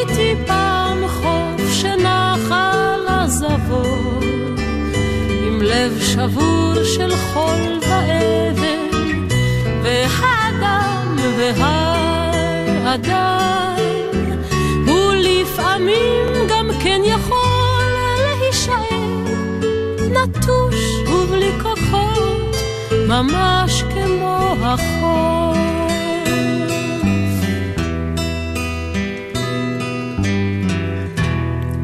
Chava Alberstein, uh, een belangrijke Israëlische zangeres. Maxime Februari, uh, waarom wou je dit nummer laten horen? Nou, het heeft mij uh, de laatste jaren door een aantal dingen heen gesleept. Het is zo'n mooi rustig nummer. En een aantal dingen van haar uit hetzelfde jaar hebben diezelfde rust. En een vriendin van mij die Joods is en een hele verzameling heeft aan Israëlische muziek, stuurde me toevallig dit nummer op in eind tweede, nou net na 2015. En 2015 was voor mij een heel zwaar jaar. En toen kwam opeens dit nummer en het gaat over de wind en over de zee en het strand. En eh, ik versta het niet helemaal precies, maar zoveel krijg ik er wel van mee dat het me enorm rustig maakt. En daarom heb ik het nou zeker een jaar lang heel veel gedraaid om maar in die in die stemming te komen waar mm mij troostte en, uh, en, en ja. De, het is heel mooi. En Gava Alberstein is trouwens ook iemand die altijd politiek geprobeerd heeft het hele land een beetje tot rust te komen. Maar daar is kennelijk meer voor nodig dan zo'n liedje. Ja, uh, nu uh, je bent veel verloren, hè? Die, uh, dat bewuste jaar, 2015. 2015 was een ingewikkeld jaar, ja. ja begon met uh, je huis dat, dat afbrandde. Ja, mijn vriendin is heel erg lang ziek geweest en was inmiddels weer ziek. Ze was daarvoor behandeld geweest, maar kanker was weer teruggekomen en ze had te horen gekregen dat ze nog een half jaar te leven had. Dat half jaar was net voorbij, uh, de jaarwisseling 2014-2015. En ze was er nog, maar wel slecht al. En in die eerste week van 2015 brandde het huis grotendeels af. Door een elektrisch dekentje, zodat wij uh, ergens anders heen moesten en een tijdje hebben rondgezworven. Um, intussen heb ik het huis weer moeten oprichten, inrichten en uh, is zij teruggekomen. Toen heeft ze nog een half jaar in bed gelegen en is de laatste week van het jaar uh, overleden. Dus de eerste week van het jaar brand, de laatste week van het jaar overlijden. En uh, uh, daarna moest ik even af en toe muziek horen. Om, eh, Mm. Hoe heb je dat, dat jaar doorgemaakt als je daarop terugkijkt? Nou, vreemd genoeg was het wel een heel goed jaar. Want ehm, zij is dus echt lang ziek geweest. En omdat zij zo levenslustig was, daar was ik ook altijd zo van gecharmeerd. Daar ben ik ook op afgekomen als, als een vlieg op de stroop. Eh, die complete vitaliteit en levenslust en plezier. En ze wilde dus eigenlijk helemaal niet dood. En ze heeft het in plaats van een half jaar, anderhalf jaar uitgehouden. Maar wel op geesteskracht alleen. Want lichamelijk was er niet zo heel veel meer over. Eh, maar dat is best ook plezierig om mee te maken. En dat hele langzame sterven zonder dat je denkt: ik wil dood. Nee, integendeel, ik vind het nog steeds leuk. En toen zij is gestorven, eh, als de dag voor oud en nieuw, toen moest ik in haar telefoon een, een mailadres opzoeken. Dus ik deed haar telefoon open en zag het laatste zoek, zoekopdracht die zij had gemaakt. En dat was voor champagne voor de oud en nieuw. Echt? Eh, ja. Dat heeft ze net niet meer gehaald, die champagne. Maar het was dus best een, een goed jaar en ook een, een, een, een- ja, er zit ook een zekere gezelligheid in. Mensen komen langs en eh, eh, dat wordt kleiner, maar wel intiem. En eh, als iemand dan doodgaat, dan weet je ook, nou, dit, dit is ook goed, want ja, Mhm. voilà. Maar als er nog zoveel levenslust was bij haar, kon je dan ook over, over de dood zelf praten? Was dat een onderwerp? Ja, maar daar had ze eigenlijk helemaal niet zo heel veel belangstelling voor. Nee? Nee. Ja. Want er kwamen dan ook mensen langs die zeiden: Heb je het al geregeld? Heb je euthanasie geregeld? Ach, euthanasie is zoveel gedoe. Dat, eh, nee. Mhm. Nee, gewoon doorleven. En zoveel mogelijk tot de laatste champagne. En, Maar jij zou degene zijn die achterbleef. En dat is het ook zo gegaan, hè? ja, dat. eh, en, en dan ben je gewoon na zo'n jaar, want het was best veel, eh, Ja. wel moe. Mhm. Ehm, toen lag er nog een half, halve roman waarvan ik wist dat ik die moest gaan afmaken. Ook voor mezelf, uit diezelfde levenslust en levensdrang. En ik merk dat soms mensen zeggen dat ze vinden dat dat, dat boek eigenlijk veel te levenslustig is. Ehm, ik heb een enkele keer van iemand doorgekregen waar ik dan ook wel een tijdje op kou, dat ze dat ongevoelig vinden. Alsof zij voor mij moeten bepalen hoe ik rouw. Maar ik denk, ja, juist het idee van nee, leven door. Die maakt een krachtig boek en een, en een vrolijk boek. Ehm, ehm, het wordt weer voorjaar, dat merken we nu ook. Je, je verlangt toch in de winter altijd weer naar het voorjaar. Hoe hebben jullie elkaar leren kennen? Via de literatuur. Zij was eh, vertaalster uit het Duits. En ze deed heel veel op het gebied van organisatie van literaire dingen. Ze zat toen in de, de redactie van de SLA, Stichting Literaire Activiteit Amsterdam. En de SLA had mij uitgenodigd na mijn debuutroman. Dus het was het tweede eh, optreden wat ik ooit deed in het openbaar rondom een roman. En daar zat zij op de eerste rij. En eh, toen heb ik er nog flink achteraan moeten jagen, maar uiteindelijk is Ja? dat gelukt. ja. Ja. Ja. Ze heeft belangrijke boeken ook vertaald hè, uit het Ja, ja. Duits. Ja. Hebt heel veel uit het Duits vertaald. Dus de ironie van het geval wil dat bij die huisbrand is mijn hele bibliotheek verloren gegaan. Mijn hele werkkamer, alle knipsels, archieven, verzamelingen. Maar dat van haar niet, want het stond beneden. Dus nu zij is overleden, heb ik haar eh, bibliotheek. Dat wil zeggen dat ik hele Duitsstalige... Terwijl ik nooit zoveel Duits las, maar dat zal ik moeten gaan doen. Want ik heb net in mijn, dat huis wat ik nu aan het verbouwen ben... nieuwe boekenkasten laten inbouwen. En daar gaan dus al die Duitse boeken in en haar vertalingen. En dan zal ik Duitsstalig moeten worden. En kan je haar opnieuw leren kennen misschien? Ja, ja, ja. ja. want er zitten allemaal briefjes in en aantekeningen. En- Dus ik wil dat ook niet wegdoen. Heb je het marsepeinen ei kunnen redden? Ja, het marsepein is al lang op. Dat is al lang op, ja. Dat heeft een bijzondere betekenis gehad hè, voor jou. Nou ja, bijzondere betekenis. Kijk, in de tijd dat wij elkaar net kenden, ehm, we hadden nog helemaal niet iets met elkaar. Maar zij belde mij dan op en ze zei: Ik zie dat jij daar en daar een lezing geeft. Dan moet je mij daar ontmoeten. eh, in, een, in een café. Van tevoren gaan we er samen heen. Dus heel Nederland dacht ook wel dat wij iets met elkaar hadden. Want we kwamen altijd gezamenlijk aanzetten. Maar dat moest van haar. We weten niet waarom-. En eh, bij een van die gelegenheden in zo'n café haalden ze opeens iets uit haar jaszak. Dat was een marsepeinen ei. Dat gaf ze mij cadeau en dat had ze voor mij gekocht. Zodat ik dacht, misschien vindt ze me dan toch nog wel half zo leuk als ik haar vind.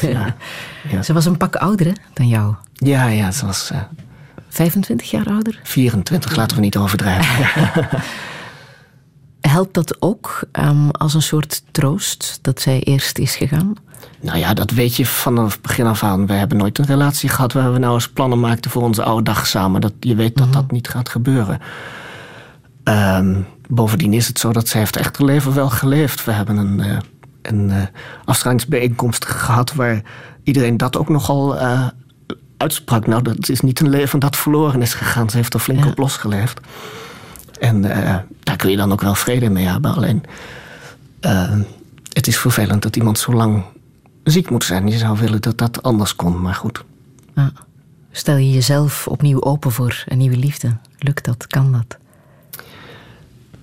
Ja, ik, het overzichtelijke daarvan, ook fiscaal, dit is een raar verhaal, maar zij is dus een dag voor oud overleden. Dat wil zeggen dat alles echt in jaren rekent. Voor de belastingaangifte was het reuze handig, want uh, het was een heel vol jaar. En, maar ook voor het rekenen, want toen heb je een eerste jaar moest ik echt voor mezelf zorgen dat ik op de been bleef, want ik was ook moe. Uh, het tweede jaar had ik het heel zwaar. Uh, toen heb ik de roman afgeschreven en ik denk dat al mijn mijn energie en fitheid en, en lol in dat boek is gaan zitten. Want zelf had ik, uh, had ik een moeilijk jaar in, in rouwstemming. En nu is dus net uh, begin januari het derde jaar ingegaan. En ik merk opeens dat ik denk, ja, nu ben ik weer uh, bij de levenden. Ik was lang nog in het rijk van de dood. En, ja. Zal het nieuwe huis ook helpen om. En dan helpt een nieuw huis en het idee van, van al die oude dingen zijn, zijn afgerond. Het boek is er. En uh, uh, dus uh, mocht nu iemand mij opbellen, zoals in het liedje van Barbara Fraxon, en mij eigenlijk niet willen hebben, maar dan toch blijkend te hebben, dan zou dat nu wel weer mogelijk zijn. Maar dat zijn, het is raar dat dat inderdaad de tijd is die daar overheen gaat. Ja.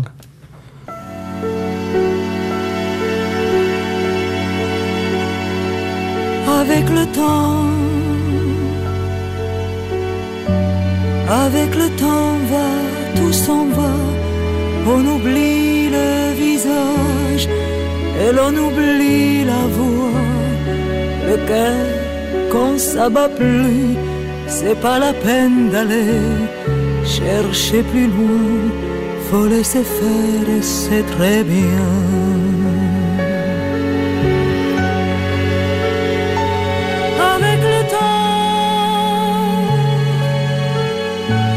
Avec le temps va, tout s'en va, l'autre qu'on adorait, qu'on cherchait sous la pluie, l'autre qu'on devinait au détour d'un regard, entre les lignes, entre les mots et sous le phare d'un serment maquillé qui s'en va faire sa nuit. Avec le temps. Tout s'évanouit.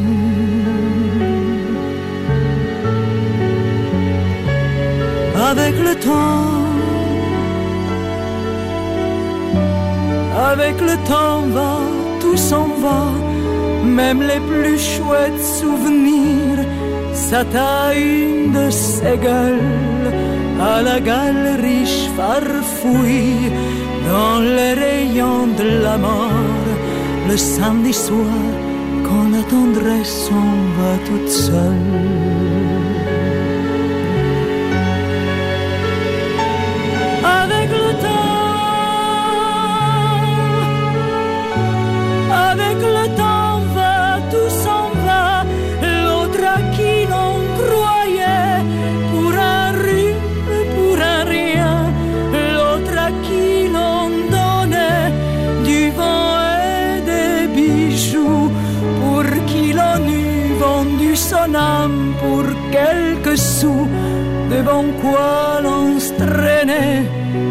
Comme traînent les chiens. Avec le temps, va, tout va bien.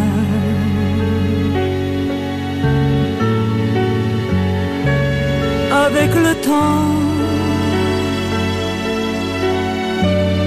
Avec le temps va, tout s'en va.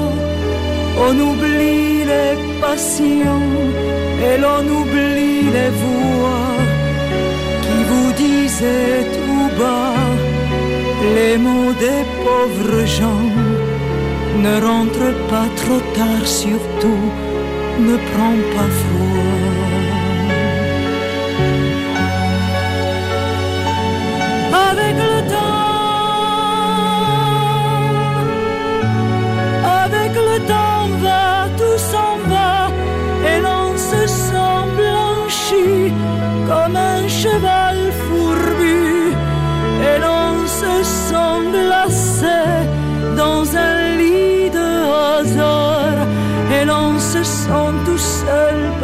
Peut-être, mais peinard, et l'on se sent floué par les années perdues.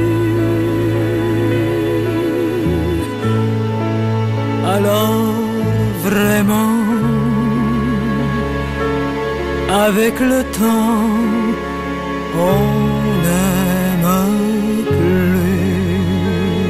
van eh, Leo Ferré, hier gezongen door Dalida, Avec le temps, Maxime Februari. Welke betekenis heeft dit lied voor jou? Nou, verschillende. Maar een van die mooie dingen hiervan vind ik dat. Wat mij altijd bezighoudt is de rijkdom van mensen. Dat je ze nooit op één ding kunt vastpinnen. En Dalida kennen wij althans in Nederland heel sterk. Van haar grote uitbundige optredens met prachtige jurken en veel glitters en boa's. En, eh, en ook nogal uptempo eh, nummers van vrolijkheid. En als je dan plotseling ziet, en zeker als je hier haar dan ook nog bij ziet, hoe ze verstild en melancholiek dit lied zingt. Eh, het is echt een, de mooiste versie van dit nummer van Leo Ferré. Dan denk je, er zitten zoveel verschillende kanten aan mensen. Dus eh, dat moeten we inderdaad niet door te gaan dataficeren en allemaal denken snel door te hebben hoe iemand in elkaar zit. Want eh, Want dat waren Er ook is- haar twee kanten. Hè. Ze Ja, vond ja, het ja. leven ook ondraaglijk en is Ja, eruit dat gestapt is- op haar ja. 55ste. Ik heb ook wel documentaires over haar gezien. Ehm, maar goed, los daarvan hoe je leven verschilt van je werk, is het ook nog zo dat zo'n werk zo heel erg divers is en uiteenlopend is. En dat je zowel dat, dat vrolijke goed kunt doen en zalen bespelen, als dit zo mooi melancholiek, eh, echt zuiver zingen. Dus. eh, en ik zat tegelijkertijd te denken, want voordat we draaiden eindigde ik ook al met te zeggen dat de tijd soms dingen eh, verandert op het gebied van rouw. En dit is precies het tegenovergestelde. Dit is een scheiding natuurlijk. En dan, zij zingt dat de, dat de tijd je zelfs je, je mooie herinneringen weghaalt. Met rouw, rouw is echt anders dan scheiden. Mensen denken wel eens dat ze snappen wat je doormaakt als je, je partner is overleden omdat ze door scheiding iemand zijn kwijtgeraakt. Maar ik denk dat die rouw na een dood misschien uiteindelijk wel vrolijker is, omdat je die mooie dingen niet kwijtraakt. Dat het een herinnering wordt. Ja, Ja. ja. Het is... Ze is nog altijd ontzettend populair eh, bij de gay scene, hè, of de LGBT-scene, of hoe moet of mag ik het eh, noemen? Je kijkt al even streng, hè? Hoe noemen ze het in Nederland? De LHTB-scene? nou ja, dat zijn twee hele verschillende dingen. Ehm, over het algemeen tegenwoordig inderdaad, iedereen is op zoek naar die, naar die afkorting LHBT en dan plus of Plus. Het gaat dan over en- de lesbian, gay, biseksueel, transgender scene, alles wat daarbij hoort. Ja, maar als je, als je nu net zegt de gay scene of de LHBT, dan is het net alsof dat synoniemen zouden zijn. Maar gay is geen synoniem van LHBT. Want die T van transgender of transseksueel slaat op je identiteit. En heeft met seksualiteit in feite helemaal niets te maken. Dus eh, ik zie de kranten in Nederland het ook doen. En ik probeer het steeds tegen ze te zeggen: hou daar nou eens mee op. Door te zeggen homo's. En dan staat er tussen haakjes achter LHBT. Maar die T, iemand die T is, is niet per niet definitie homo. Dat is niet een synoniem. Ik ben ook geen homo. Ik behoor wel bij de T's, maar ik ben geen homo. Ja. Want wat vind je voor jezelf een juiste omschrijving? Nou, ik geloof dat het helemaal juist zou zijn om te zeggen man met een transverleden. En ik ben overigens hetero. Ik ben een hetero man. Ik ben geïnteresseerd in romantisch opzicht in vrouwen. Dus ik ben een hetero man. Dus daarom is het ook problematisch om mij homo te noemen. Want dan zou je denken dat opeens allemaal mannen interesse voor mij zouden tonen. Wat ze overigens helemaal niet doen. En terecht. Ehm, maar ehm, ik vind transseksueel ook goed. En transman vind ik ook goed. En over het algemeen ben ik gewoon een man. Als mensen niet weten wat er in mijn verleden is gebeurd, ben ik gewoon een man. En dan hetero en dan wit, zodat ik helemaal tegenwoordig een beetje een dubieuze figuur ben geworden. ja. De witte Ja. hetero man. Ja. En daar ben ik me ook wel van bewust dat het. Ik, ik kan twee dingen doen. Ik kan zeggen, ik ben behoort tot die leuke marginale groep, eh, onderdrukt. Ik ben een transseksueel. Of ik kan zeggen, ik behoor tot die griezelige meerderheid die de rest allemaal zo zit lastig te vallen. De witte hetero mannen. En Ja. Daartussenin beweeg ik een beetje. Maar je hebt er wel naar verlangd dat dat verleden niet meer ter sprake zou komen. Hè? Ja, ook uit emancipatieredenen. Ik ben eh, alweer vrij lang geleden, ik denk zo'n zes jaar geleden, eh, omgegaan, om het zo maar eens te zeggen, van vrouw naar man. Eh, dan ben je even een paar jaar fysiek natuurlijk in verandering. En dat kan dan iedereen ook zien. Maar op een gegeven moment is dat uitveranderd. En dan zou je eigenlijk in staat moeten zijn om gewoon je leven weer op te pakken.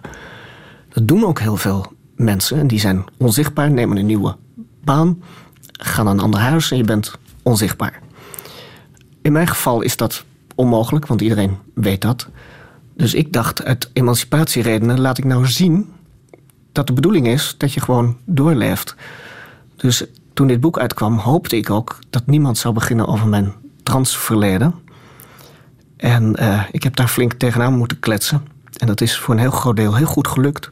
Zodat dit boek er nu ligt als gewoon een boek van een man die een boek heeft geschreven. En inmiddels denk ik, nou dat is dan mooi gelukt. En we zijn alweer een paar maanden verder. Ik wil best af en toe een beetje toelichting geven. Om eh, te laten zien dat ik ook op dat gebied best activistisch wil zijn. En iets wil uitleggen. Ja. Maar is de transitie effectief helemaal achter de rug? Of ben je daar toch nog mee bezig? Nou ja, ik ben daar natuurlijk eh, eh, privé ps- psychologisch wel af en toe mee bezig. Zijn sommige dingen die nieuw zijn, maar de behandeling is helemaal achter de rug. Ik ben, eh, heb alle operaties gedaan die er gedaan kunnen worden, maar die operaties zijn eigenlijk niet het voornaamste. Het voornaamste is eh, hormoonbehandeling die enorm veel aan je verandert. Je stem daalt en je nou, op het gebied van beharing en spieren gebeurt er heel veel met een, met een lichaam. Als je daar Waar, ben je, waar was maar- je zelf het meeste van onder de indruk als je je lichamelijk zag eh, veranderen? Nou, ik geloof van mijn stem. Ik heb altijd heel veel last ervan gehad dat die op de verkeerde plaats staat. Gewoon fysiek. Een vrouwenstem zit vrij hoog in je keel. En eh, ik dacht altijd, die zit daar raar. En toen die begon te dalen, het daalt echt letterlijk. Dus Dat voel je. breekt, het breekt eerst zo, dan krijg je zo'n puberstem die alsmaar overslaat. Daar heb ik ook een tijdje mee rondgelopen. En dan zakt hij naar je borstkas en je voelt hem. Je legt een hand op je borstkas en je voelt het daar trillen. En dat, toen dacht ik, ja, nu zit hij waar, waar hij moet zitten. Ja. Je legt je hand op je borstkast. Dat Ja, moet ook een ander gevoel zijn nu voor jou. Ja, ja, ja. Die, die stem die, die trilt hier. En bovendien is die borstkas natuurlijk anders ingericht tegenwoordig dan die vroeger was. Ja, dat voelt echt En, eh, beter. Dat voelt ontzettend veel beter. En het, eh, eh, dat is ook vooral een sociale kwestie. Zodat je eh, shirts kunt dragen en, en, en mensen kun- kunnen zien dat je mannelijk fysiek hebt. De rest van de anatomie is allemaal wat minder zichtbaar onder kleren. Dus daar, Ja. Maar daar heb je wel wat operaties voor moeten ondergaan natuurlijk. Hè? Was dat zwaar of was dat toch een soort verlangen dat je had? Ja, het was een verlangen. Ik heb misschien zelfs onderschat, want achteraf denk ik... god, het zijn toch best zware operaties geweest... maar ik ben er eh, ingestapt alsof het niks was. En eh, je merkt dat het, eh, het gesprek over het algemeen gedomineerd wordt... door- door de situatie van transvrouwen... want die hoeven maar één operatie te ondergaan. Daarom vraagt iedereen ook altijd aan je... heb je de operatie al gehad? Maar transmannen moeten er echt heel veel... En dan kunnen mensen thuis zelf maar eens even bedenken wat het verschil is tussen een mannen- en een vrouwenlichaam en wat je allemaal moet veranderen. Ehm, dus ik heb er, eh, ik heb er vrij veel eh, gehad en eh, eh, dat is allemaal nu gebeurd. Maar wat je het meeste ziet aan mensen is inderdaad het effect van hormonen. Want testosteron is een heel sterk hormoon. Verandert heel veel. En waar halen ze dat? Hoe kom je Ja, dat is, dat is een of ander chemisch goedje. Maar ik neem het wel eens mee als ik doe voor besloten mm, clubs nog wel eens een toelichting, vooral voor medicijnenstudenten en, en zo, degene die dat, of voor rechters. Ik denk dat het nuttig is dat ze hier wat van weten, dan neem ik eh, mijn hele behandeling mee. Want mensen denken dat je een batterij aan medicijnen op je nachtkastje hebt staan. Die allemaal. Maar dat is niet zo. Ik heb één klein zakje. Ik heb het nu niet bij me. En dagelijks, daar zit een gel in, daar zit testosteron in opgelost. Dagelijks smeer ik dat op mijn schouders en op mijn armen. En dat is alles. En daar zit dus een klein beetje eh, hormoon in. En dat hormoon dat heb je niet tijdens de. eh, in de baarmoeder had ik, had ik dat toegediend moeten krijgen, maar dat is niet gebeurd. Om een of andere. door een fout. Kun je 50 jaar later alsnog toevoegen en dan gaat nog je stem zakken, je haarlijn verandert, je gezichtsbeharing verandert, je krijgt een baard, je krijgt lichaamsbeharing, je spieren groeien, je vet verdwijnt. Nou, Indrukwekkend toch, Ja. hè? en het is vrijwel niks. Dus dat is verbazingwekkend. En psychologisch, ehm, was dat voor, eh, voor jou nog een aanpassing om ja, psychologisch van vrouw naar man eh, te evolueren? Nou ja, het, het probleem is natuurlijk altijd geweest dat ik het al was. Dus eh, mensen zagen ook altijd wel dat er iets raars was. Een soort energie die niet klopt. En dat zeggen heel veel mensen nu van... Hè, eindelijk klopt je energie een beetje. Eh, dus dat is eigenlijk alleen maar makkelijker geworden. Maar in omgang met mensen heb je bepaalde dingen niet aangeleerd. Of je hebt ze de verkeerde kant op aangeleerd. Eh, Zoals? eh, nou ja, al, al was het alleen maar de, de romantische f- omgang met vrouwen of het, of het flirterige daarvan is, is soms heel ongewoon. En ik moet dan even terugdenken van wat gebeurt hier. Dan denk ik, oh ja, ja, ja, oh, dit wordt hier bedoeld. Dat zag ik even niet aankomen, omdat je dat- in die puberteit niet hebt geleerd. Maar ik ik heb toch wel veel ervaring gehad met, met eh, aandacht trekken van mannen die nu helemaal verdwenen is, helaas. Want ik vond dat wel gezellig. Ik had er niks aan, maar ik vond het wel vlijend vaak. Ja. Maar eh, Verdien je nu ook meer als man? ehm, nee, dat is mij niet gelukt. Ik had, toen ik het aankondigde, had ik gezegd... nu gaat mijn prijs 18% omhoog. Maar dat, dat, daar is niemand in getrapt, helaas. Nee. Dat heeft niet gewerkt. Nee. Ik,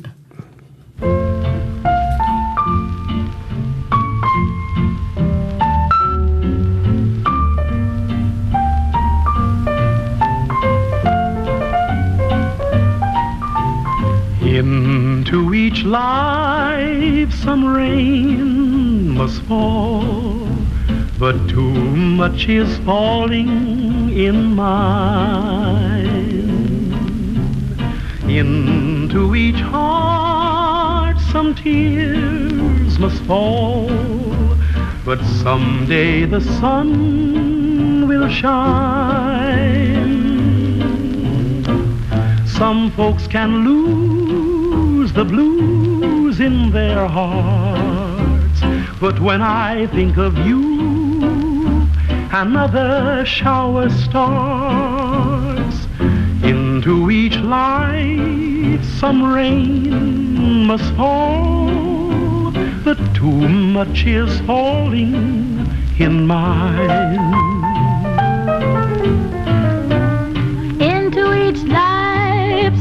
Rain must fall, but too much, too much is falling in mine. Into each heart some tears must fall, but someday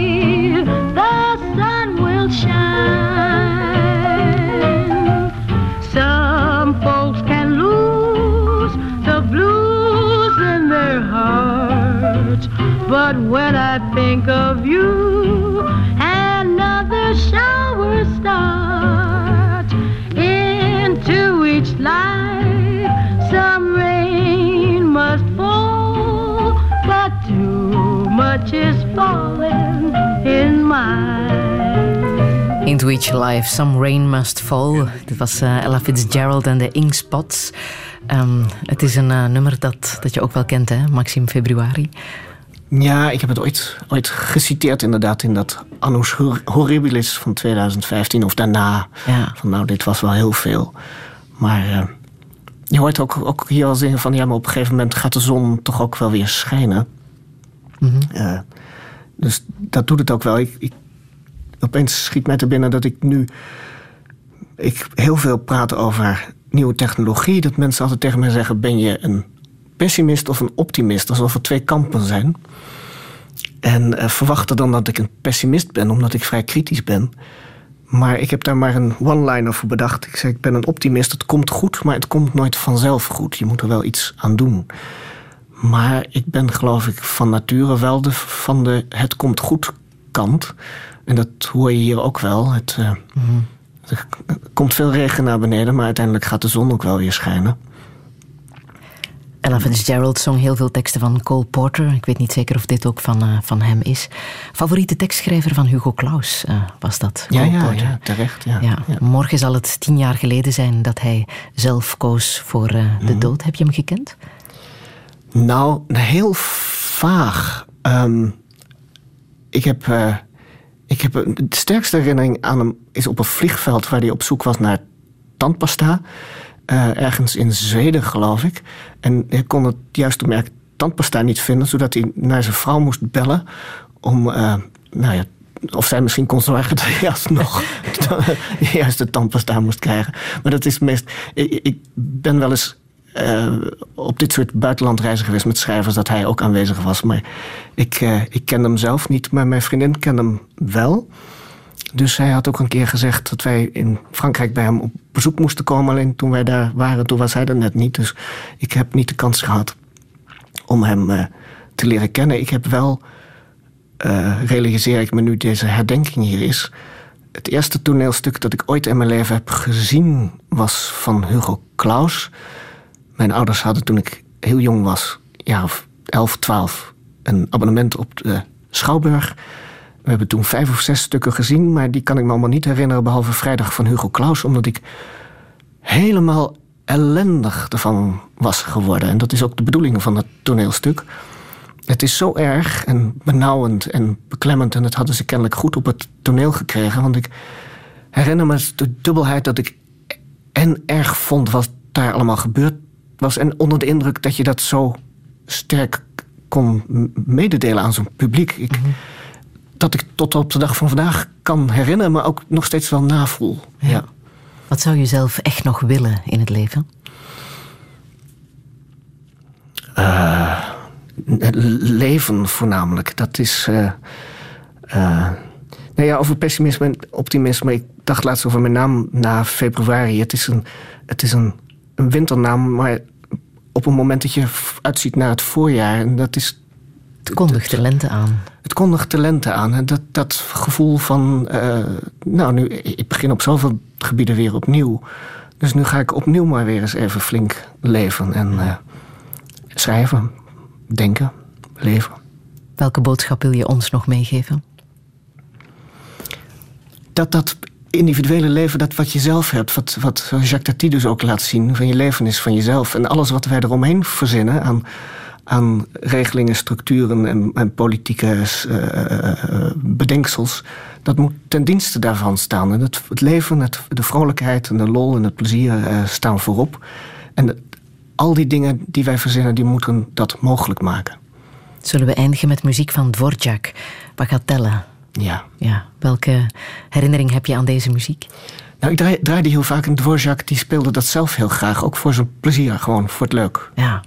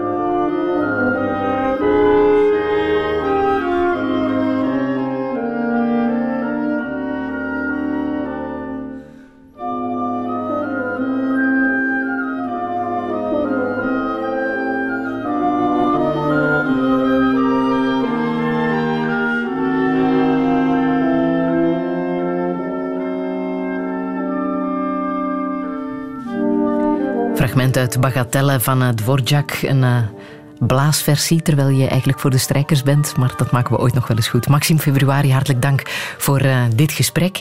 En volgende week verwacht ik hier fotograaf en cameraman Nicolas Karakatsanis. Radio 1